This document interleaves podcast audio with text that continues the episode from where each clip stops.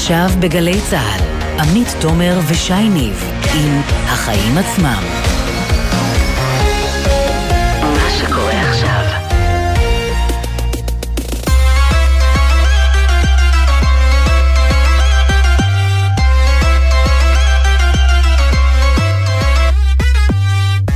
עכשיו שש וארבע דקות, אתם על החיים עצמם, התוכנית הכלכלית-חברתית של גלי צה"ל. אני עמית תומר, ואיתי כאן באולפן שי ניב. מה נשמע, שי? אהלן עמית, אה, בסדר, את יודעת, היום הזה לא התחיל אה, משהו, צריך לומר את האמת, אה, פיגוע קשה בבוקר, צביקה פיק שהלך לעולמו, אה, יש לי ילדה שממש בכתה מזה. וואו. אמיתי לגמרי, מכירי, כן. מכירות את השירים בגילן? כן, כולם? כן, ממש מדקלמות הכל. תראי, זה די מדהים איך המפעל הזה שנקרא צביקה פיק, פיק אה, ככה אה, הגיע גם אל הדור הצעיר. האמת שגם אני בתור ילדה מאוד גדלתי על השירים, והיה את המחזמר מרי לו, אבל זה שזה נשאר כל כך הרבה דורות, זה די מדהים, כן, מקווה שגם אחריו. כן, מפתיע וזה מדהים, בדיוק. טוב, מקווה שהיום הזה ישתפר. בכל מקרה, ננסה להביא בשעה הקרובה גם חדשות טובות. כי היו גם כאלה היום. כמו למשל החלטת הממשלה על חבילת סיוע ופיצויים לעוטף עזה אחרי מבצע עלות השחר, כזו שכוללת גם את שלושת הימים שקדמו למבצע, בהם אה, הוטלו מגבלות ביטחוניות על האזור, אבל גם הרבה דברים קדימה שלא בטוח שהזמן הנכון להחליט עליהם הוא דווקא בממשלת מעבר. נדבר על זה מיד עם השרה לשוויון חברתי, מירב כהן. כן, ועוד עניינים היום בתוכנית, סוף השבוע הקטלני בדרכים שסיים שבוע עגום עם 19 הרוגים. נדבר עם האחראי במשרד מבקר המדינה ועם כתבתנו הילי קרן, שתספר לנו איך ולמה צנח תקציב הרשות הלאומית לבטיחות בדרכים מ-550 מיליון שקלים ל-80 מיליון שקלים בלבד, שימי לב, זה די מדהים. כן. נעסוק גם בחובות העתק של קופות החולים, שמתקרבים ל-2 מיליארד שקלים, ובתוכנית הכלכלית של ישראל ביתנו ושר האוצר ליברמן. נדבר גם על חוק האקלים של הנשיא ביידן בארצות הברית, לנו יש הרבה מה ללמוד מהם כאן אצלנו, וגם אם אתם אה, מתכננים עוד את נופש הקיץ שלכם, נהיה משהו שצריך להדאיג אתכם, עלייה בהונאות שמטרתם לנצל את החופשות שלנו כדי לגנוב פרטי כרטיס אשראי. אאוץ', לא נעים. כן. טוב, יש לנו הרבה להספיק, מה הכותרת שלך, עמית? אז הכותרת שלי היא ששוק הנדל"ן ממשיך להתקרר, שני נתונים מעודדים מתפרסמים היום בנושא, בלשכה המרכזית לסטטיסטיקה, זיהו שביוני המשיכה המגמה של רכישת פחות דירות חדשות, עוד ירידה של קצת יותר מ-3% לעומת מאי, החודש הקודם, ומה שעשוי לרמוז על המשך המגמה הזאת גם הלאה, הוא הבדיקה של בנק ישראל, לפיה בחודש יולי נרשמה ירידה משמעותית בהיקפי המשכנתאות שהציבור לקח, 15% פחות מביוני. מחר יתפרסם מדד המחירים לצרכן ומדד הדיור, ולפי הערכות שאני שומעת, כנראה שהמחירים עדיין לא ירדו כמו הביקושים, אבל בתקופה שבה אנחנו שומעים הבטחות מפליגות מפוליטיקאים בתחום הדיור, בליכוד, נזכיר, הבטיחו שאם הם חוזרים לשלטון תהיה ירידת מחירים תוך שבועות, גג חודשים. בישראל ביתנו דווקא באופן מפתיע לא אמרו היום מילה על הנדל"ן בתוכנית uh, המצע שלהם לבחירות, נדבר בהמשך גם על זה, אבל כבר שמענו משר האוצר ליברמן לא פעם את ההצהרה, עד סוף השנה המחירים יעברו לירידות, אבל צריך לזכור שגם אם משהו מהתחזיות המאוד ורודות הללו יתגשם בסוף, זה לא יקרה, בעיקר בזכות הפוליטיקאים. בממשלה האחרונה כן היו כמה צעדים יפים, כמו הגדלת אה, היקף הבנייה, התחלות הבנייה החדשות, אבל בסוף נדמה שהדבר המשמעותי ביותר שמשפיע על המספרים הללו הוא הריבית במשק שעלתה וכנראה עוד תמשיך לעלות, וזאת כבר עבודה של גוף מקצועי עצמאי, קוראים לו בנק ישראל. בדיוק. טוב, כן. כן. אני הבטחתי לך פה שמדי פעם אחזור להציג בענייני מערכת החינוך והסכם המורים. אז הנה, אנחנו כבר באמצע אוגוסט, פתיחת שנת הלימודים ממש מעבר לפינה כבר, ועדיין אין ממש חדש במשא ומתן שבין משרד האוצר להסתדרות המורים. הנה דברים שאמרה היום מזכ"לית הסתדרות המורים, יפה בן דוד, שהבהירה היום בגלי צה"ל, טוב מאוד, לאן הדברים הולכים. לצערנו, האוצר מתעמר בציבור עובדי הוראה. ולא נותן להם את מה שמגיע להם. ואם שנת הלימודים לא תיפתח, האשמה היא אך ורק באוצר. כן, עכשיו תראי, לכולם כבר ברור שזה ייגמר בדקה ה-90, וברור שזה חלק מהדינמיקה של משאים ומתנים, אבל אני אגיד לך מה אנחנו מפסידים מהדינמיקה הזאת, וזה לא mm. רק כמה ימי שביתה אפשריים שימתחו עוד קצת את החופש הגדול, ובעיקר את העצבים של כולנו, את זה אני שם בצד, כפרות מה שנקרא. אוקיי. Okay. אני מדבר על זה שכשמתנהלים בצורה הזו, אפשר כבר עכשיו להעריך שאנחנו לא צפויים לראות שום מהפכה באופק. זה יהיה עוד הסכם שכר, הפעם עם תוספת יפה יותר לשכר ההתחלתי של המ... המורים הצעירים, וגם זה אך ורק בגלל שהמדינה התעקשה על זה, לא חלילה הסתדרות המורים, שדואגת עד הרגע האחרון, בעיקר למורים עם ותק של 20 שנה ומעלה. כלומר, אל תצפי לאיזה רפורמה גדולה, ליום לימודים ארוך, לשכר דיפרנציאלי שיאפשר תגמול מיוחד למורים מצטיינים, עוד סמכויות למנהלות וכולי. ומי שאשמה בעניין הזה היא רק שרת החינוך יפעת שאשא ביטון, שבמקום ליזום תוכנית לאומית, הפכה, ל, צריך לומר, ללוביסטית של יפה בן דוד. ואת יודעת, גם ראש הממשלה... אבל איך זה עוזר? כמה כוח יש לה לעומת הכוח של יפה בן דוד? תשמעי, שר... אה, אה, מה אנחנו מצפים? ששרת חינוך לא תעשה כלום? שתגיד, לא, זה רק האוצר מול המורים? לא, אני מצפה ששרת חינוך תוביל את הדברים, אה, תוביל תוכניות מהרגע שנכנסת למשרד, וכן, mm. גם תהיה פעילה מאוד בין שני הקצוות האלה של כן. האוצר והמורים. עכשיו תראי, אני מצפה את זה אגב גם מראש הממשלה, וזה כנראה לא בראש סדר העדיפות שלו. כן. אני לא יודעת אם היה להם פתרון קסמים לראש הממשלה, אולי לשרת החינוך, היא דווקא בדרך כלל, מה שאנחנו רואים במשא ומתן בעבר, פחות אה, חזקים מהיד של האוצר. ועדיין, זה נראה מאוד פסימי כרגע מכל הבחינות. כן. טוב, נחכה ונראה, נקווה גם שלא תהיה שביתה, בכל זאת. נתחיל? יאללה.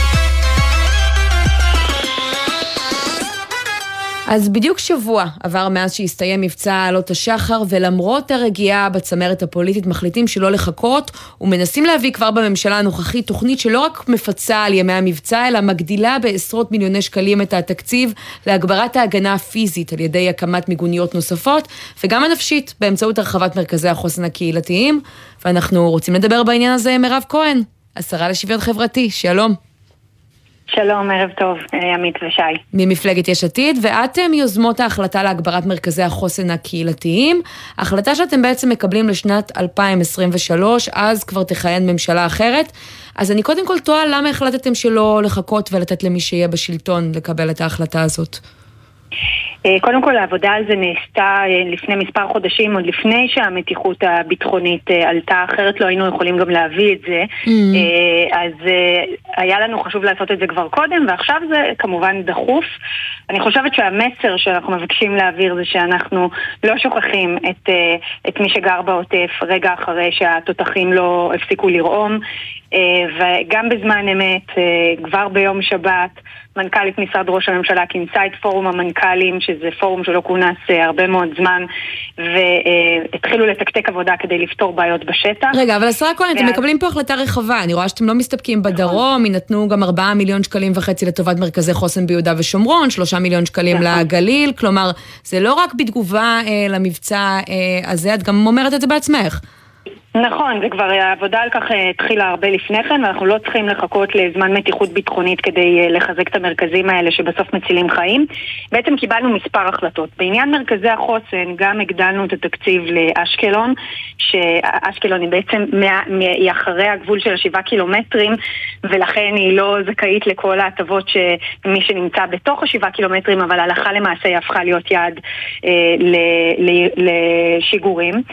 אה, וגם, לא פחות פחות חשוב מזה, אנחנו איגמנו את כל המשאבים למקום אחד. עד, עד היום בעצם מרכזי החוסן היו צריכים להתנהל מול שישה או שבעה משרדי ממשלה מדי חצי שנה לקושש כספים. Mm. hmm אז אנחנו בעצם הפכנו את הכל ב- להיות תחת אה, ניהול מרכזי של משרד הבריאות, כאשר הצעד הבא שלנו זה גם להכניס את זה לבסיס התקציב כדי שזה יהיה קבוע ולא בכל שנה הם יצטרכו לבוא ולקושש כספים, כי זה לא ו... לא ראוי וזה יותר אי ודאות. ועדיין, השרה כהן, אנחנו רואים שכל כמה חודשים יש החלטת ממשלה חדשה, אני רואה החלטות מ-2020, מדצמבר, ואחר כך גם בינואר האחרון. הירי הזה, ירי התלול מסלול, ירי הרקטות, אה, אה, אה, קורה כבר משנת 2001. למה תושבי הדרום צריכים כל פעם לשמוע את הממשלה מתכנסת ומקבלת איזושהי החלטה, וזה תמיד גם מגיע עם איזושהי נימה חגיגית, כמו בפעם הזו?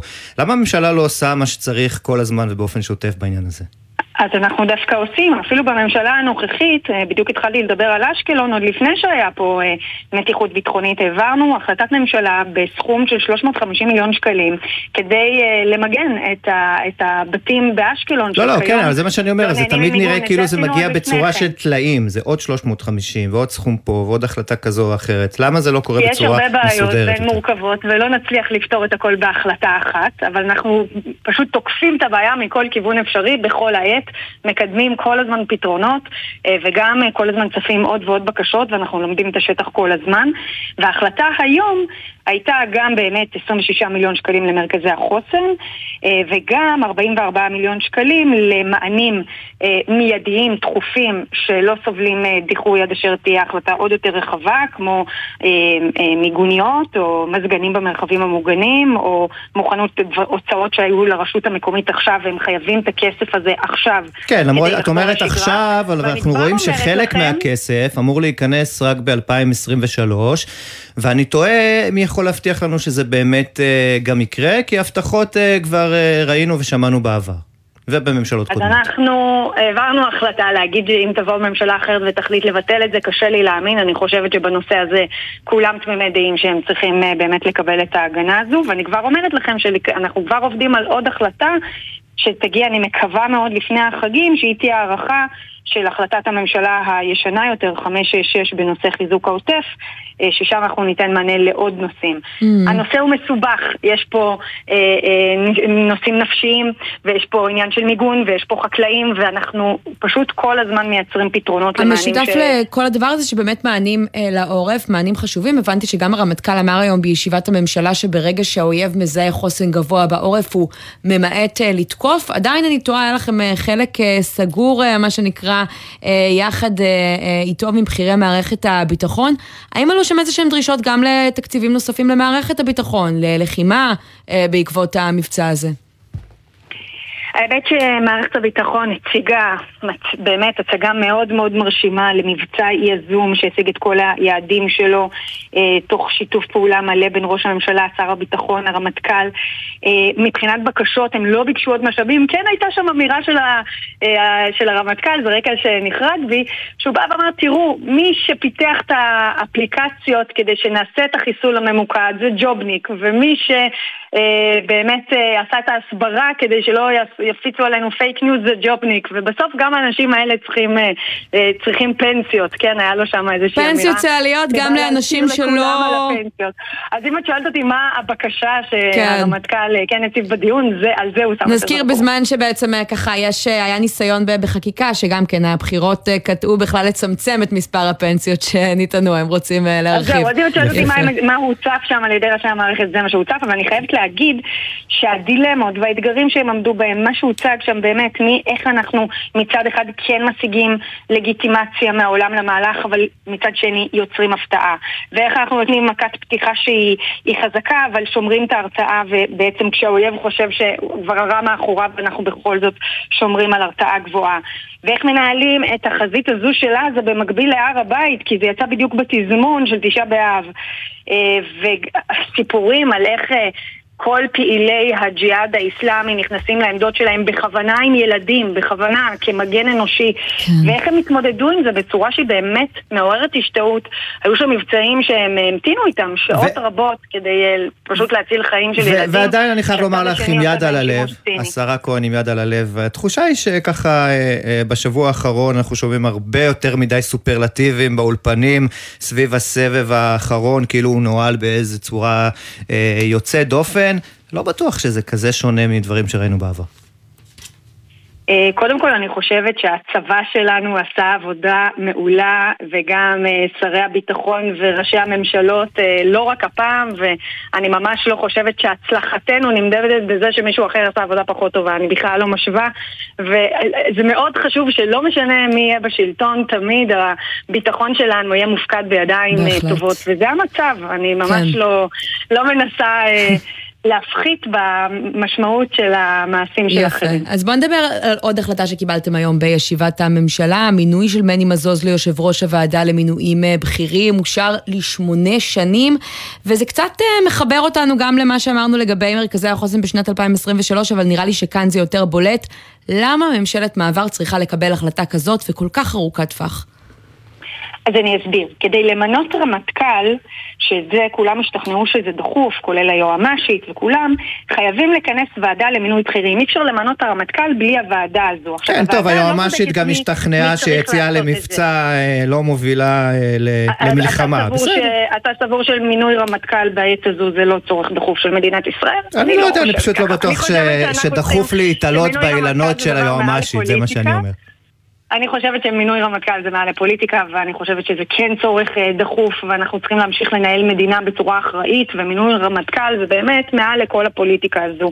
עכשיו, הוועדה הזו היא, היא לא בודקת, אה, אה, היא לא מדרגת מי המועמד הכי טוב, היא רק בודקת דו, תואר מידות. אבל שמונה שנים, לא היה איזשהו פתרון אחר, זמני יותר, אתם מפלגה בסוף שחורטת על דגלה שנים, את טוהר המידות, את המשילות, ביקרתם בממשלה על מחטפים.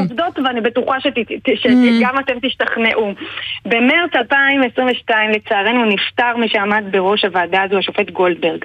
ולכן כדי כרגע, וכל החברים שם הם עדיין בקדנציה, מונו לפני מספר שנים והם ממשיכים. כל החברים שם הם לשמונה שנים.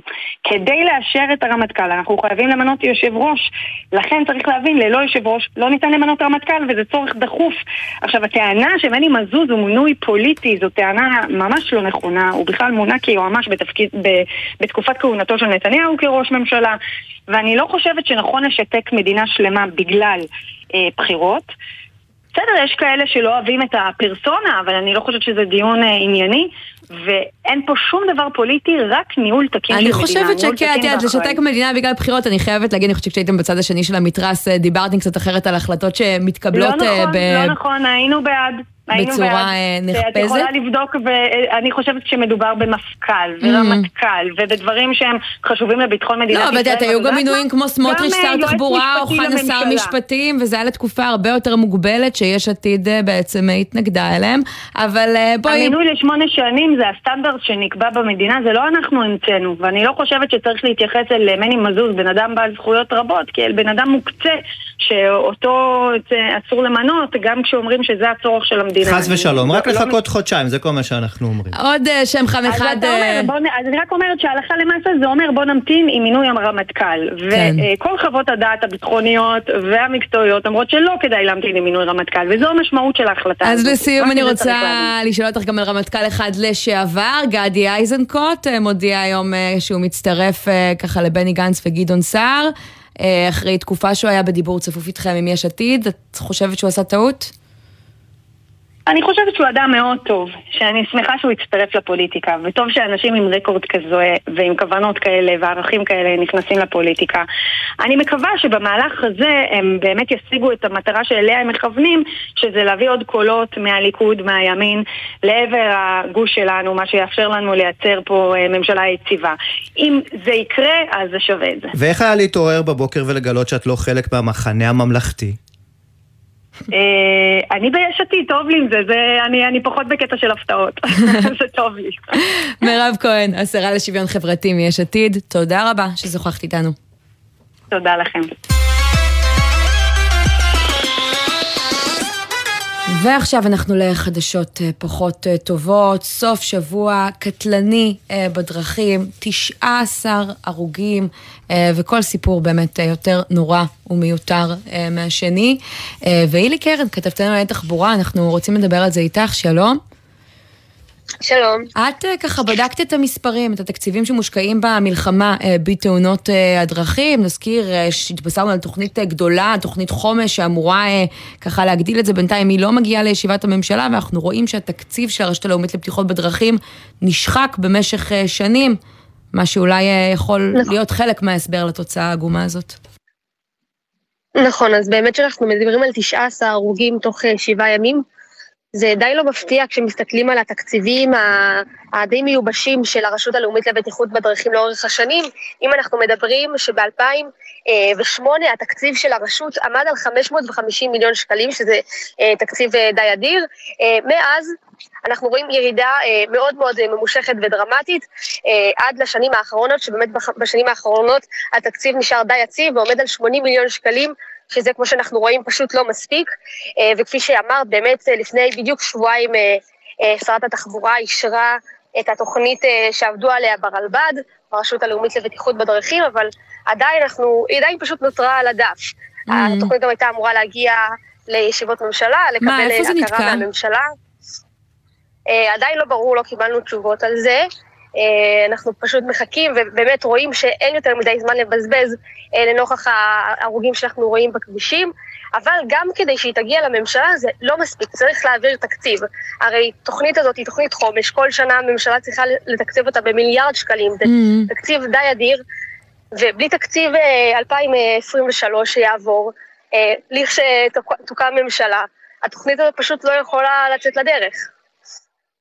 ואילי, כשאנחנו מסתכלים באמת על המספרים שאת אה, ציינת, אה, ירידה מכמה מאות מיליוני שקלים בשנה ל-80 מיליון. 80 אה, מיליון שקלים בשנה בשנים האחרונות, מאז שנת 2017, מה הוביל לצניחה הכל כך חדה בתקציב הכל כך חשוב הזה? תשמעו, ככל הנראה מדובר בהחלטה של מקבלי ההחלטות, זה סדרי עדיפויות, כל פעם מישהו אחר סופג את, ה, את הרווח של, של הצד השני. ובשנים האחרונות, בעשור האחרון ואפילו יותר, הרשות הלאומית לבטיחות בדרכים סובל פשוט אה, ממצוקה כלכלית ממש ממש... אה, הוא מיובש מתקציבים, ואנחנו mm. רואים את זה, וכל פעם שאנחנו מגיעים אחרי סוף שבוע קטלני או שבוע קטלני בכבישים, הנושא הזה צף, אבל זה לא מספיק כדי באמת מה שצריך זה פשוט עוד תקציב ועוד משאבים אה, כדי של מקבלי ההחלטות, כדי שבאמת נוכל לראות אה, פחות הרוגים בכבישים כל אה, אומרת, שנה. כן, ואת אומרת שבמשרד התחבורה לא ממש עונים על השאלות. אנחנו יכולים להגיד בינתיים שההרוגים שדיברנו עליהם, אנחנו, סליחה, התוכנית שיצאה לפני שבועיים, ששאלנו אותם מה קורה עם זה, עדיין לא נהנינו לזה. ואנחנו בינתיים יכולים גם להגיד שכל הרוג שהולך, שקיפח את חייו, קיפח את חייו אה, בכבישים, עולה למדינה אה, בממוצע 46 מיליון שקלים, שזה אדיר. בממוצע אנחנו מדברים על כל שנה שהמשק סופג 15 מיליון שקלים רק מאבדות על תאונות בדרכים. על מה? כי לאן הולך הכסף?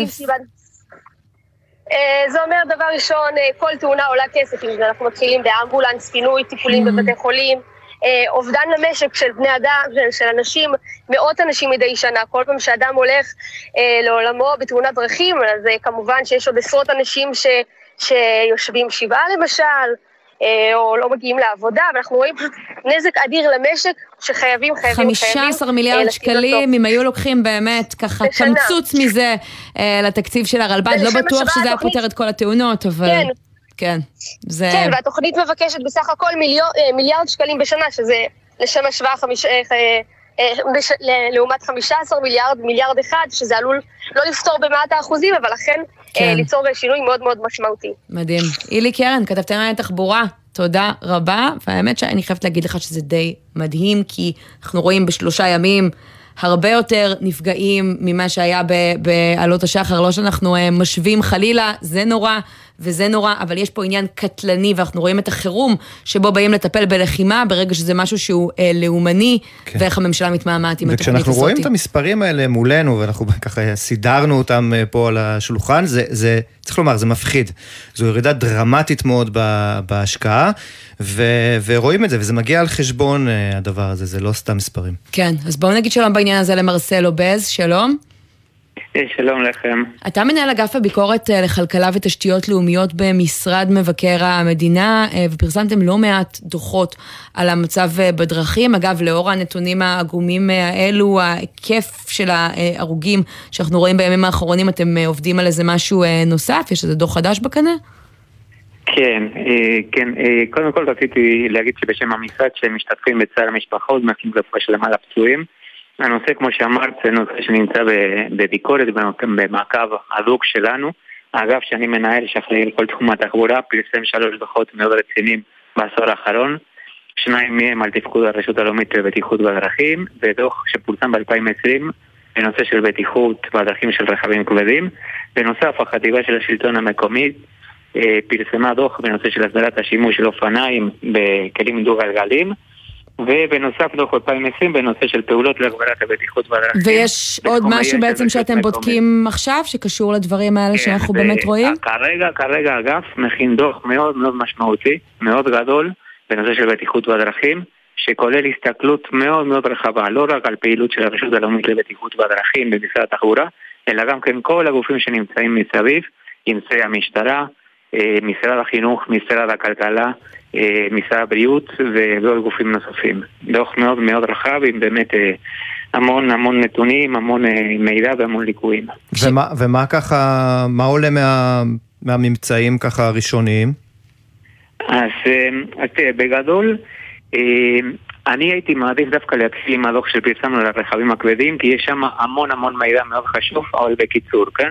כן. כולנו יודעים שיש מעל 350 הרוגים בממוצע כל שנה, וצריך להבין שבשנת 2012 מספר הרוגים היה 290. מאז 2012 עשור של עלייה וואו. או יציבות ולא מצליחים להוריד את המספרים. עלייה בנפגעים מול ירידה בתקציבים, אתם בדקתם? אתם יודעים להגיד לאן הלך הכסף? איך מאות מיליוני אה, שקלים הצטמקו לעשרות מיליונים בלבד? כן, יש, יש איזה סיפור שבעצם מתחיל ב... תפקיד של הרשות הלאומית לבטיחות בדרכים. הרשות הוקמה בחסון של ועדת שיינין, המטרה היה לראות רשות שתהיה רשות מאוד חזקה ותוביל את המלחמה. בסופו של דבר, בגלל סמכויות או, או בעיות כאלה או אחרות, הרשות הפכה להיות צינור שדרכה העבירו כספים. בסופו של דבר, אחרי כמה שנים של תסכול, הרשות mm-hmm. החליטה שהתקציבים לא צריכים להגיע בכלל אליה, אלא ללכת ישירות למשטרה, או למשרדים הרלוונטיים, וזאת אחת מהסיבות שהתקציב של הרשות הצטמק בצורה כל כך משמעותית. כן, אז, אגב, אה, בזמן שאנחנו מדברים, אנחנו מתבשרים על אה, מערבל בטון שהתהפך בצומת הנשיא אה, בנגב על מספר כלי רכב וגרם לפציעה של שמונה אנשים, בהם שניים באופן בינוני והיתר באופן קל. הנה, לצערנו, ככה... אנחנו ממשיכים אה, בסטטיסטיקה הכואבת אה, הזאתי. מה הממצא החיבולת כן. שלכם? איך אפשר לצמצם את המספרים אה, הבאמת נוראים האלה? תראי, אני אגיד משהו. בשנת, ביוני 2022 פרסם המועצה האירופאית לבטיחות בדרכים דוח בנושא שיפור הבטיחות בדרכים בעשור האחרון ב-32 מדינות באירופה. זה מאכזב לשמוע, אבל ישראל במקום האחרון. הירידה הייתה רק של 5% כאשר הממוצע של המדינות האלה האירופאיות היה 31%. אז זה אומר שעשור של, של, שלא מתקדמים. ו, וכשאנחנו מסתכלים על הסיבות ומנתחים את, ה, את מה שקורה במדינות העולם, אנחנו רואים כמה דברים. קודם כל שתמיד יש איזה גורם מתכלל. גורם ראשי שלוקח אחריות, שקובע יעדים, מקבל תקציבים, קובע מדיניות ויש מחויבות ש, ש, שמגיעה בעקבות כל התהליך הזה. בדרך כלל יש תוכנית אסטרטגית מאוד מאוד ברורה, מתוקצבת כמו שצריך, עם יעדים ברורים, לא יעדים אה, לטווח ארוך, אלא אפילו יעדים בטווחים ביניים. ואין, ואין כתובת כזו בארץ? זה לא משרד התחבורה שאחראי על כל הדבר הזה? לא, זה, זה בדיוק אחד מהדברים ש, שאנחנו מעלים בדוחות כבר עשור, ושגם כן בדיונים שונים בכנסת, הסוגיה הזאת עולה, ונראה לי שכל מי שעוסק בתחום יגיד אותו דבר. אין כרגע במדינה גורם מתכלל שמוביל, מוביל את המאבק ושהוא אחראי. אפילו כשאנחנו מסתכלים על משרד התחבורה, בתוך משרד התחבורה יש כמה יחידות שכל אחת כמעט לא מתואמת עם השנייה.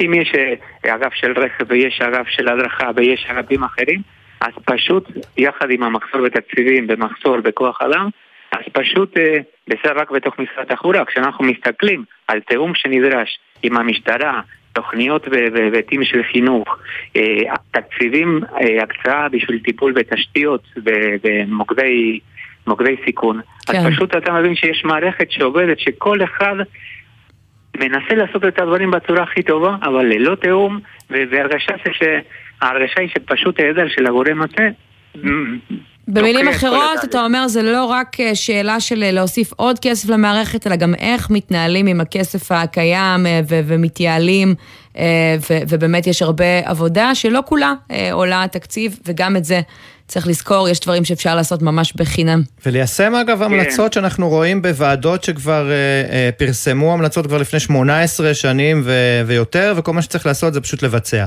כן, מרסלו בז, אתם אה, תמשיכו לבדוק את הנושא, אני בטוחה, תודה רבה ששוחחת איתנו. תודה לכם. כמה תשדירים ואנחנו מיד חוזרים. גלי צה"ל, יותר מ-70 שנות שידור ציבורי.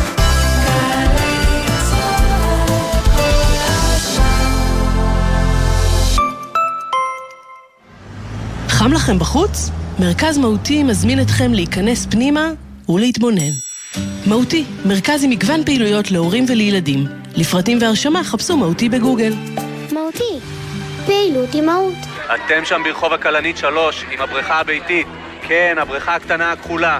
הילד שלכם נכנס למים בלי שתרגישו. אנחנו לא יכולים להיות בכל בית להשגיח. בקיץ הזה כולנו מצילים חיים ומונעים את האסון הבא של טביעת פעוט. מה עושים? בריכות קטנות מרוקנים, בריכות קבועות מגדרים ומשגיחים מקרוב כל הזמן, במיוחד במים. אל תורידו מהם את העיניים. למידע מציל חיים חפשו התוכנית הלאומית לבטיחות ילדים. קייטנות סיימנו, נופש היינו, סבא וסבתא מיצינו. מה עושים עכשיו עם הילדים? יוצאים לטבע! רשות מקרקעי ישראל בשיתוף החברה להגנת הטבע מזמינות אתכם לפסטיבל הולכים על פתוח. בואו ליהנות מאתרי טבע מוצלים, מעיינות מרעננים וסיורי לילה מרתקים. את כל האתרים שיקמה וטיפחה לטובת הציבור רשות מקרקעי ישראל. הפסטיבל יארך ב-23 ו-24 באוגוסט. להרשמה לסיורים חינם חפשו בגוגל הולכים על פתוח. עמיתי מועדון חבר, הזדמנות אחרונה להטבות בלעדיות על מגוון דגמי סאט החדשים. מחכים לכם באולמות התצוגה עד 16 באוגוסט. פרטים נוספים בטלפון כוכבית 3313 או באתר מועדון חבר. חבר זה הכל בשבילך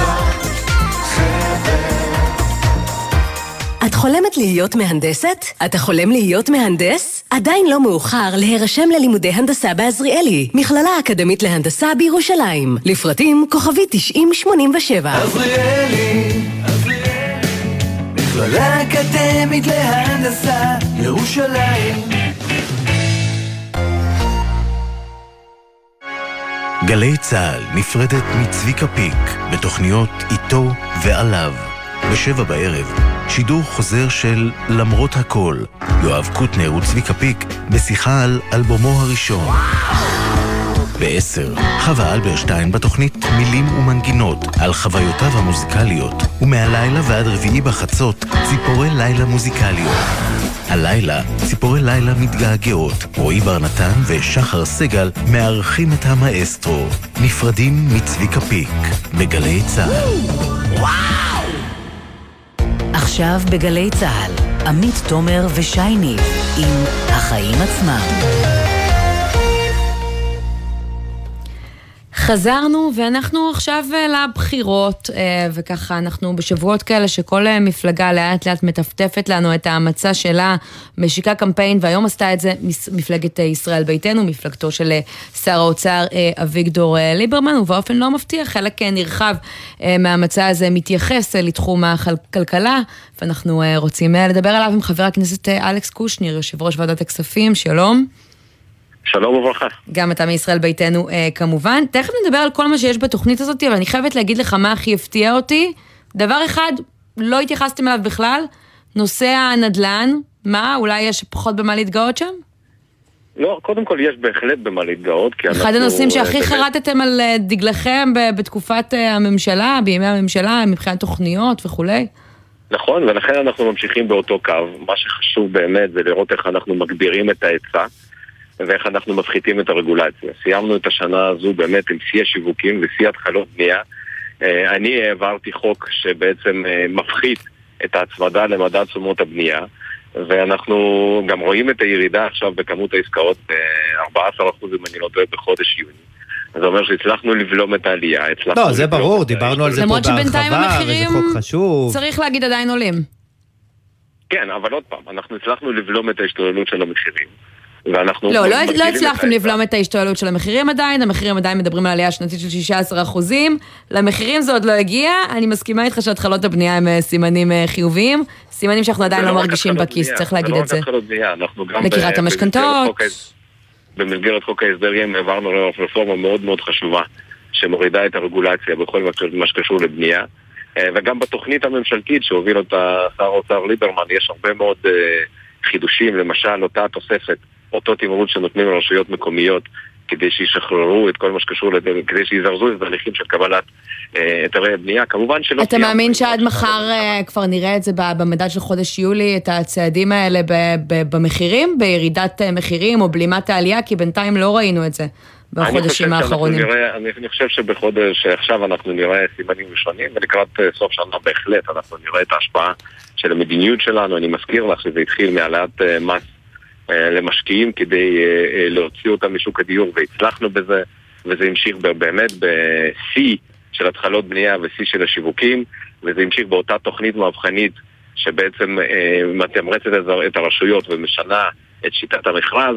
ואחר כך החוק שלי שבעצם במדד תשומות הבנייה מקטין באופן משמעותי את ההוצאות הלא צפויות. של הזוגות שקונים אה, דירות וככה אני חושב שאנחנו דווקא בשנה הזאת הצלחנו לעשות בנושא הנדל"ן הרבה יותר ממה שנעשה בשנים, בשנים האחרונות כי עד, עד שבאנו לשלטון כן. כולם התעסקו בביקוש וזו פעם ראשונה שבה הממשלה בא שר האוצר ומתעסק בהיצע ולא בביקוש. אז בוא נדבר רגע על מה שכן הצגתם אה, בתוכנית. הסעיף שהכי אה, תפס אותי, שי, יש לי הרגשה שגם אותך, ישראל ביתנו למען ההורים והילדים, הארכת בית הספר של החופש הגדול, שיחול על כל חודשי יולי-אוגוסט. זה אומר שוויתרתם על הניסיון אה, להתאים את ימי החופשות לימי הלימודים במסגרת המשא ומתן לא, עם המורים? לא, אין לזה שום קשר, זה שני דברים שונים לחלוטין. רק צריך להבין. שכשאנחנו באים ואומרים שאנחנו רוצים אה, באמת להאריך את, את החופש הגדול לכל יולי-אוגוסט, המטרה היא בעצם לתת להורים להמשיך ולעבוד ולהשתתף בשוק התעסוקה. כי אנחנו יודעים שבחודשי יולי-אוגוסט הרבה מאוד משפחות אה, מתמודדות עם הקשיים האלה של מי יושב עם הילדים ואיך עושים את זה ואיך מסתדרים. כן, אבל אתה יודע, זה נחמד להבטיח משהו לשנה הבאה, כשאתם בעצמכם לא עשיתם את זה עכשיו, כשאתם מחזיקים בתיק האוצר. אז אני אגיד לך דוגמה מה כן עשינו ואף אחד לא האמין שנעשה. אותם אה, הטבות מס, נקודות זיכוי למשפחות עובדות, לילדים בבית ספר יסודי, זה בעצם הטבה משמעותית של 2,500 שקל לכל הורה, לכל ילד בגיל הזה. זה משהו שאף אחד לא האמין שנעשה, ועשינו את זה, וזו פעם ראשונה שמשרד האוצר, ששר האוצר אביגדור ליברמן, אה, אה, בא ומתמרץ ומיטיב עם אלה שבאמת עובדים ומשתתפים בשוק התעסוקה. אותו דבר מה שעשינו למענק אה, אה, עבודה, שהגדלנו אותו באופן משמעותי. ואגב, עוד דבר, עוד דבר שאנחנו אומרים באותה תוכנית שהציג היום אה, שר האוצר, זה בעצם אנחנו מכניסים לתוך זכאות למענק עבודה לא רק נשואים, אלא גם רווחים, רווקים מעל גיל 26. כן. אז יש פה באמת שינוי מאוד משמעותי שמצד אחד נותן ומתמרץ את אלה שעובדים ומשלמים מיסים, ומצד שני דואג לילדים ומאפשר להורים להשתתף בשוק התעסוקה. למה לא עשיתם הרבה מהדברים האלה קודם? כי אתה יודע, הנתונים הטובים אה, בקופת המדינה, אנחנו רואים אותם כבר כמה חודשים, עוד לפני ההכרזה על בחירות, ואז דווקא דיברתם על מדיניות כלכלית אחראית, שצריך לשמור את העודפים, לא להוציא הכל, ואני רואה פה תוכניות שתהיה להם עלות תקציבית מאוד גבוהה, כמו באמת אה, כן, על אבל... מענק העבודה לרווקים מעל גיל 26, למשתכרי שכר עד 8,000 שקלים בחודש. אני לא אומרת שזה לא חשוב, בטח במציאות שבה המחירים כל כך עולים. אני אומרת, כל הנתונים האלה היו ידועים גם לפני ההכרזה על בחירות, ולא ממש פעלתם בכיוון. שימי לב, שימי לב שכל ההטבות שאנחנו נותנים, אנחנו נותנים הטבות לאלה שעובדים ומשלמים מיסים ומשתתפים בשוק התעסוקה. Mm. ההטבות האלה הן בעצם תומכות צמיחה. זה דבר אחד. עכשיו לגבי מה שעשינו. הממשלה הזו, שר האוצר אביגדור ליברמן, הוציא 11 מיליארד שקלים להטבות לשכבות חלשות, כמו למשל לקשישים שהעלינו להם את השלמת ההכנסה ל-70%, כמו למשל הנכים שהעלינו להם את הקצבה, ההורים לבית ספר יסודי, מה שדיברנו כבר, וגם אה, כמובן הנושא של מענק עבודה. חתמנו אה, הסכם קיבוצי עם עובדי מנהל ומשק של בתי החולים, גם עובדים סוציאליים, גם כבאים, גם שוטרים, אז יש פה הרבה מאוד כסף אבל... שהחזרנו חזרה לאלה שמשתתפים בשוק התעסוקה. אבל ראיתם שעובדים... בשנה האחרונה את הפער בין הרצונות שלכם, באמת לתת מענקים דיפרנציאליים רק למי שעובד ותורם לתוצר, לבין מציאות פוליטית שבה זה לא כל כך אפשרי. אתה מדמיין קונסטלציה שבה כן תוכלו לעשות את זה בממשלה הבאה? בואי נזכיר רק, היה את הסיכול הממוקד, תסלח לי, שעשה חבר הכנסת אה, אורבך אה, אה, לתוכנית הזו, כלומר... של מעונות היום. של מעונות היום. זה לא קרה, אתה יודע, זה גם לא יקרה כנראה בקואליציה הבאה. אז קודם כל, למרות הממשלה המורכבת ולמרות הקואליציה המורכבת, הרגע מניתי לכם דברים שכן הצלחנו לעשות, והעברנו בדיוק, כמו שאמרת, מענקים ממוקדים לאלה שמגיע להם, כולל אגב חיילי צה"ל שהעלינו להם את השכר ב-50%. אז נכון שהנושא של מעונות יום, אה, נאלצנו לדחות את זה בשנה.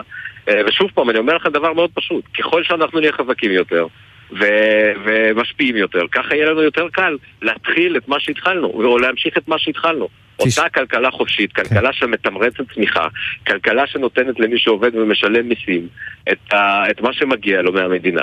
יש לכם פה אנחנו... אתגר אה, גדול, אני חייב לשאול אותך, לנהל קמפיין אה, כלכלי עם הבטחות כאלה, אתם עד היום התרגלתם לקמפיינים די ככה אה, אה, שפורטים על נימי הפחד נגד ערבים, וקמפיינים שהעמידו את המפלגות החרדיות במרכז.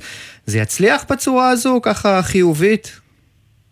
קודם כל, אני חושב שאנחנו באים עם אה, רקורד של מעשים. בשנה הזאת עשינו כל כך הרבה אה, בכלכלה שלא נעשה פה הרבה מאוד שנים. ומעבר לזה, אה, אביגדור ליברמן זה הפוליטיקאי הכי מנוסה עם רקורד מוכח, עם עשייה של אה, עשרות שנים במשרדים שונים, משרד האוצר, משרד הביטחון, אה, משרד החוץ, משרד התשתיות, משרד התחבורה, שבכל משרד כזה הוא, הוא השאיר חותם. ככה שאנחנו נמשיך לפעול כדי לחזק את הכלכלה הישראלית וגם לייצר שלטונו, לייצר יציבות של, שלטונית, אותה, אותה תוכנית שאנחנו מציעים, שבה בעצם אנחנו מבטיחים את היציבות השלטונית על ידי זה שבעצם כדי להטיל ממשלה בשנתיים הראשונות אנחנו אה, נדרוש שיהיו 90 חברי כנסת שיצביעו כדי לפרק את הממשלה. כן, וזה לא קרה עד היום. כן. טוב, נראה אם זה יקרה גם בהמשך. חבר הכנסת אלכס אה, קושניר, יושב, אנחנו פשוט חייבים אה, לסיים. כן? אוקיי. אז רק משפט אחרון, יש הרבה כן. מאוד אנשים שמציעים כל מיני מבנים מורכבים, מורכבים כדי לאפשר אה, אה, יציבות שלטונית. אנחנו באים ובעצם מאמצים את הנוהל שקיים עבור יושב ראש הכנסת, זה ייתן יציבות זה ייתן יציבות שלטונית, ואנחנו יודעים שכלכלה אה, דורשת שלטונ... אה, אה, יציבות שלטונית. רק ככה אפשר לבנות כלכלה טובה. אני חייבת להגיד שדווקא זה מההבטחות שנחמד לשמוע לפני הבחירות, לפני שאתה יודע מה התוצאה. ההבטחות האלה קורות תמיד לפני הבחירות. חבר הכנסת אלכס קושניר. בכל ההבטחות שלנו, אז נעשה את זה גם הפעם. יושב ראש ועדת הכספים, אנחנו נעקוב, אל תדאג. תודה רבה. תודה רבה לכם. ועכשיו אנחנו לגירעונות קופות החולים שמזנקים ב-30 אחוזים והגיעו ברבעון האחרון של השנה לסכום עתק מצטבר לכל הקופות של קרוב ל-2 מיליארד שקלים בסך הכל בתקופה של שלושה חודשים בלבד, וזה מטריד מאוד את משרדי הבריאות והאוצר שחוששים ליציבות הפיננסית של השירותים שכל אחד מאיתנו אה, צורך, וכדי להבין לאן הלך הכסף, אנחנו רוצים לדבר עם חיים פרננדס, מנכ"ל אה, לאומית שירותי בריאות. שלום חיים.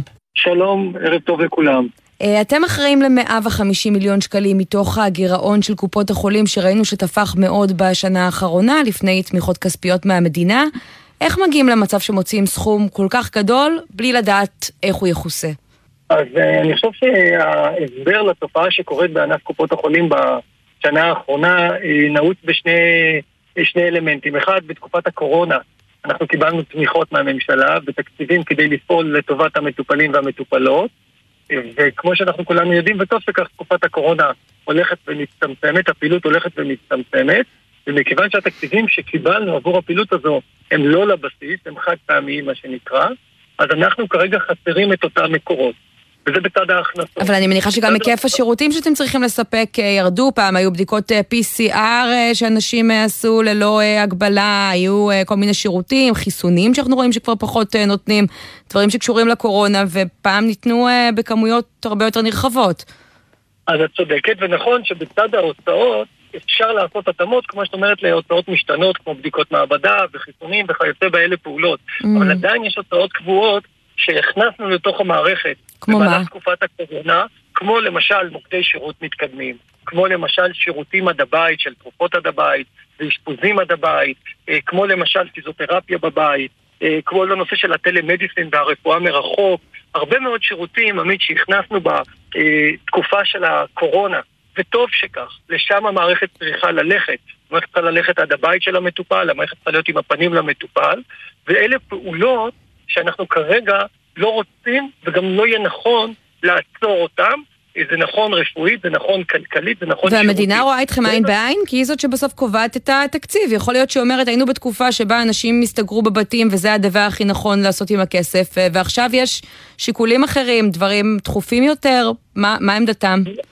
אני חושב, ושוב, שככל שאני מבין את נקודת המבט הממשלתית, משרד הבריאות, משרד האוצר, גם הם חושבים שהמערכת הולכת חזק לכיוון הקהילה. שיווי המשקל הוא קהילה, שיווי המשקל הוא בית. זה אבל... נכון, כמו שאמרתי, מהיבטים רבים, ואני חושב שגם משרד הבריאות וגם משרד האוצר בהמשך הדרך, למרות אי הוודאות פוליטי, כי כרגע אנחנו בתקופה של לפני בחירות, ימצאו את המקורות כדי לחזק את הפעילות של קופות החולים. אני גם שומע מהם הם מלאי הערכה לפעילות של קופות החולים. אבל תשמע, חיים, תראה, אני זוכר אותך ככה שני עשורים אה, אחורה, סגן הממונה על התקציבים במשרד האוצר.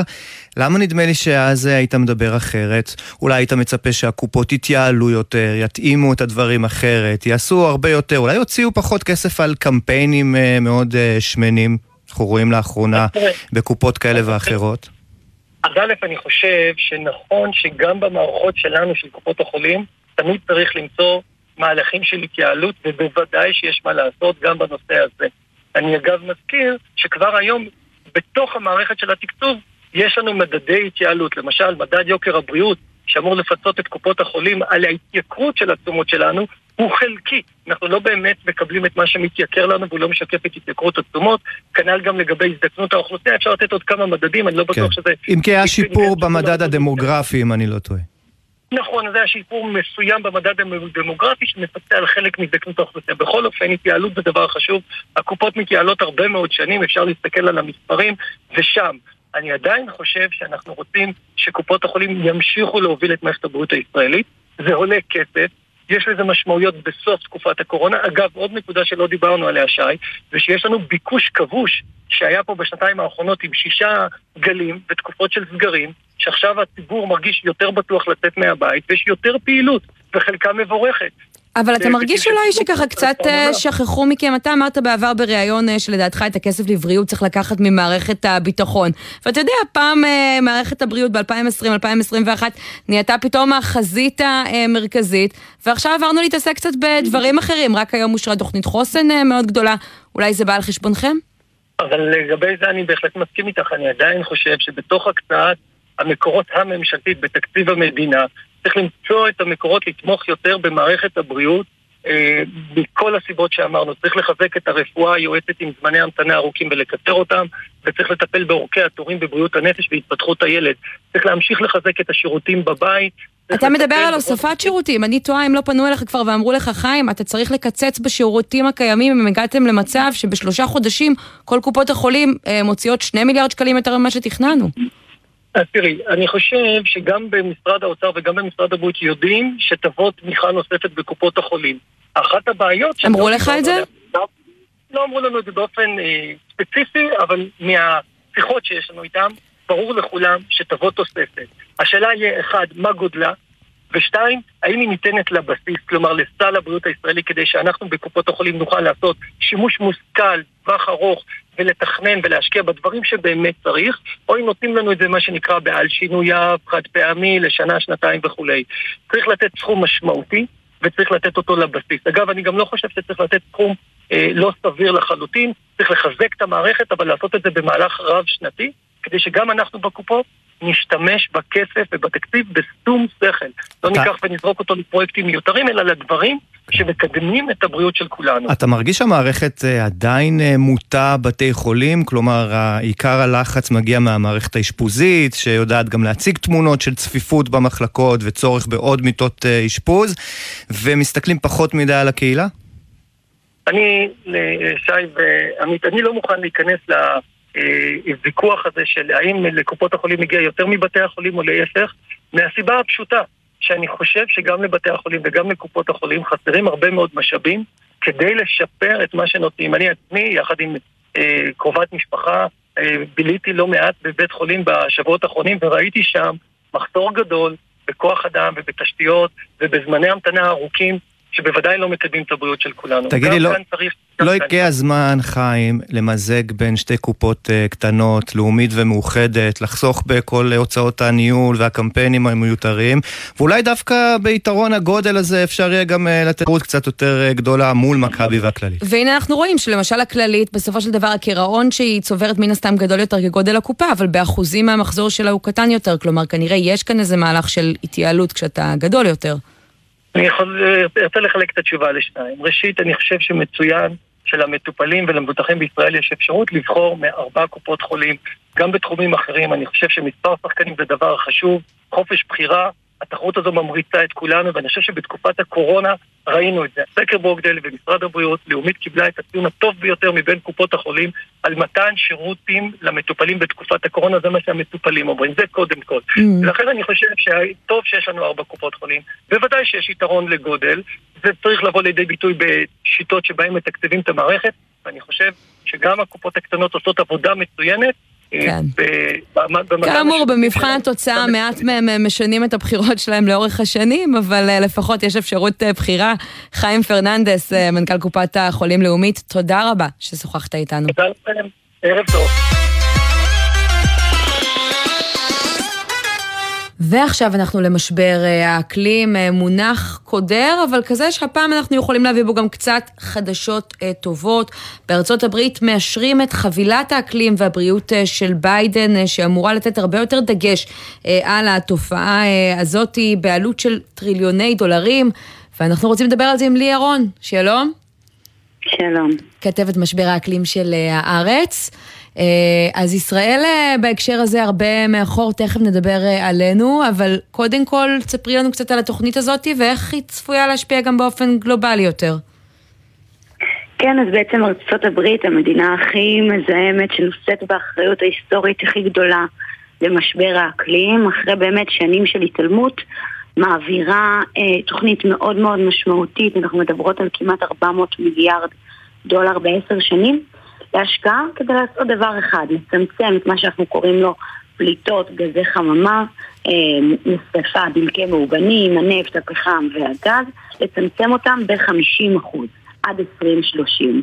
אה, צריך להזכיר למאזינים שבעצם הצליחו לעשות את זה עכשיו בגלל שאנחנו נמצאים בתקופה שזה ככה שעון מתקתק ואם לא נצליח אה, לצמצם גלובלית את הפליטות בשיעור של 50% עד לסוף העשור האנושות לא תצליח אה, למנוע את הנזקים הכי חמורים של משבר האקלים. אנחנו יודעים שהשאיפות המקוריות של ביידן היו ככה אפילו אה, דרמטיות אה, יותר, בסוף הושגו כמה פשרות בדרך, נכון? נכון, נכון. היה מאוד מאוד קשה להעביר את החקיקה הזאת, שזה רק מראה לנו כמה הכוח הפוליטי של אדם אחד היה אה, אה, דמוקרט שמרני אחד בשם ג'ו מנצ'ן שעשה את עונו אה, ממסחר בפחם וככה מייצג את מערב וירג'יניה והוא התנגד לחבילה הזאת שהייתה במקור הרבה יותר גדולה במשך הרבה מאוד זמן והם כמעט ולא הצליחו להעביר אותה, כלומר שינה את דעתו ברגע האחרון. אני מבין שבארצות הברית לא יוצאים לנבצרות כשיש איזה ניגוד עניינים כזה. אה, נכון, אה, ובאמת השקיעו הדמוקרטים גם, ב, כלומר גם בחבילה שאושרה, הם לא יפסיקו חלק מקידוחי הנפט מתוך הפשרה איתו, כלומר אין כן. ספק שנעשו פה פשרות, אה, אבל שוב, זה צעד מאוד משמעותי לכיוון של עמידה של ארצות הברית. אז ליטה, תספרי לנו ממש במשפט ככה, כי כבר תכף נגמר לנו הזמן, כמו שאת שומעת, אצלנו המצב הרבה יותר עגום, נכון? עדיין אין חוק בעצם. אנחנו רחוקים שנות אור, גם חוק האקלים שלנו, אנחנו קודם כל בכלל לא מתחייבים שם להגיע ל-50 אחוז, אנחנו מתחייבים לצמצם רבע מהפליטות, ואנחנו רק ככה עושים בחוק שלנו, בהתחייבויות הראשונות, ועדיין לא... כלומר, גם זה עוד לא קורה, וכשיקרה יהיה פחות, נתנחם במה שקורה כן, בארצות הברית. אולי...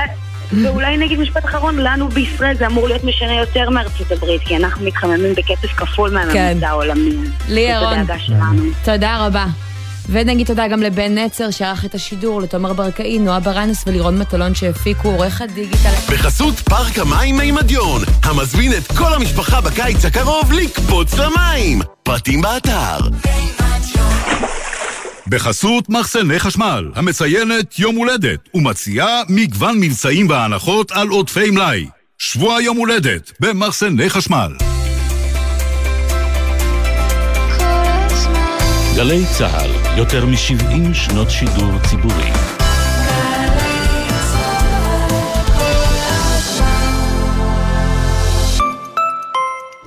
כבכל שנה, גם השנה יוענק פרס שרת העלייה והקליטה לעולים פורצי דרך שתרמו תרומה יוצאת דופן לחברה ולמדינה במגוון תחומים. הפרס יוענק במעמד נשיא המדינה ושרת העלייה והקליטה. להגשת מועמדות ולפרטים נוספים, ייכנסו לאתר משרד העלייה והקליטה. משרד העלייה והקליטה, הכל כדי שתרגישו בבית. עמיתי מועדון חבר ובני משפחותיכם, אנו מזמינים אתכם להכיר את כרמי הפארק. רובע המגורים מחדש של חברת אפיק הירדן בקריית גת, המשלב טבע עירוני, מוסדות חינוך חדשים ונגישות תחבורתית נוחה. עכשיו במחירים בלעדיים למענכם. לפרטים כוכבית 2503 או באתר מועדון חבר. חבר זה הכל בשבילך, חבר. כפוף לתקנון המבצע. את רוצה תואר שני, להשקיע בעתיד, אבל עובדת ועובדת בקצב מפחיד. אולי הגיע הזמן שנעזור. כי די, כמה אפשר לבחור? למה לבחור בין לימודים לקריירה? האוניברסיטה הפתוחה מציעה תואר שני המשתלב במסלול החיים. הגשת המועמדות בעיצומה, כוכבית 3500. תגידו, אתם יודעים לשמור סוד? נראה אתכם פותרים את תעלומת החמישייה הסודית.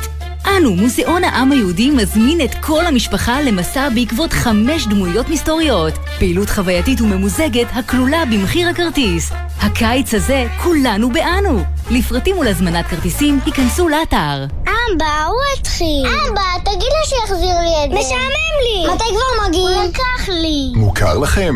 בזמן הנסיעה עם המשפחה, מתכננים את מסלול הנסיעה מראש, וגם את מקומות העצירה רחוק מהכביש, ומארגנים מראש עיסוקים לילדים למהלך הנסיעה. ספרים, משחקים, חטיפים ושתייה. עוד עצות לנסיעה משפחתית בטוחה, חפשו בגוגל אסק גלי צה"ל נפרדת מצביקה פיק בתוכניות איתו ועליו. בעשר, חווה אלברשטיין בתוכנית מילים ומנגינות על חוויותיו המוזיקליות. ומהלילה ועד רביעי בחצות, ציפורי לילה מוזיקליות. הלילה, ציפורי לילה מתגעגעות. רועי בר נתן ושחר סגל מארחים את המאסטרו. נפרדים מצביקה פיק, בגלי צה"ל. וואו! מיד בגלי צה"ל, יואב קוטנר.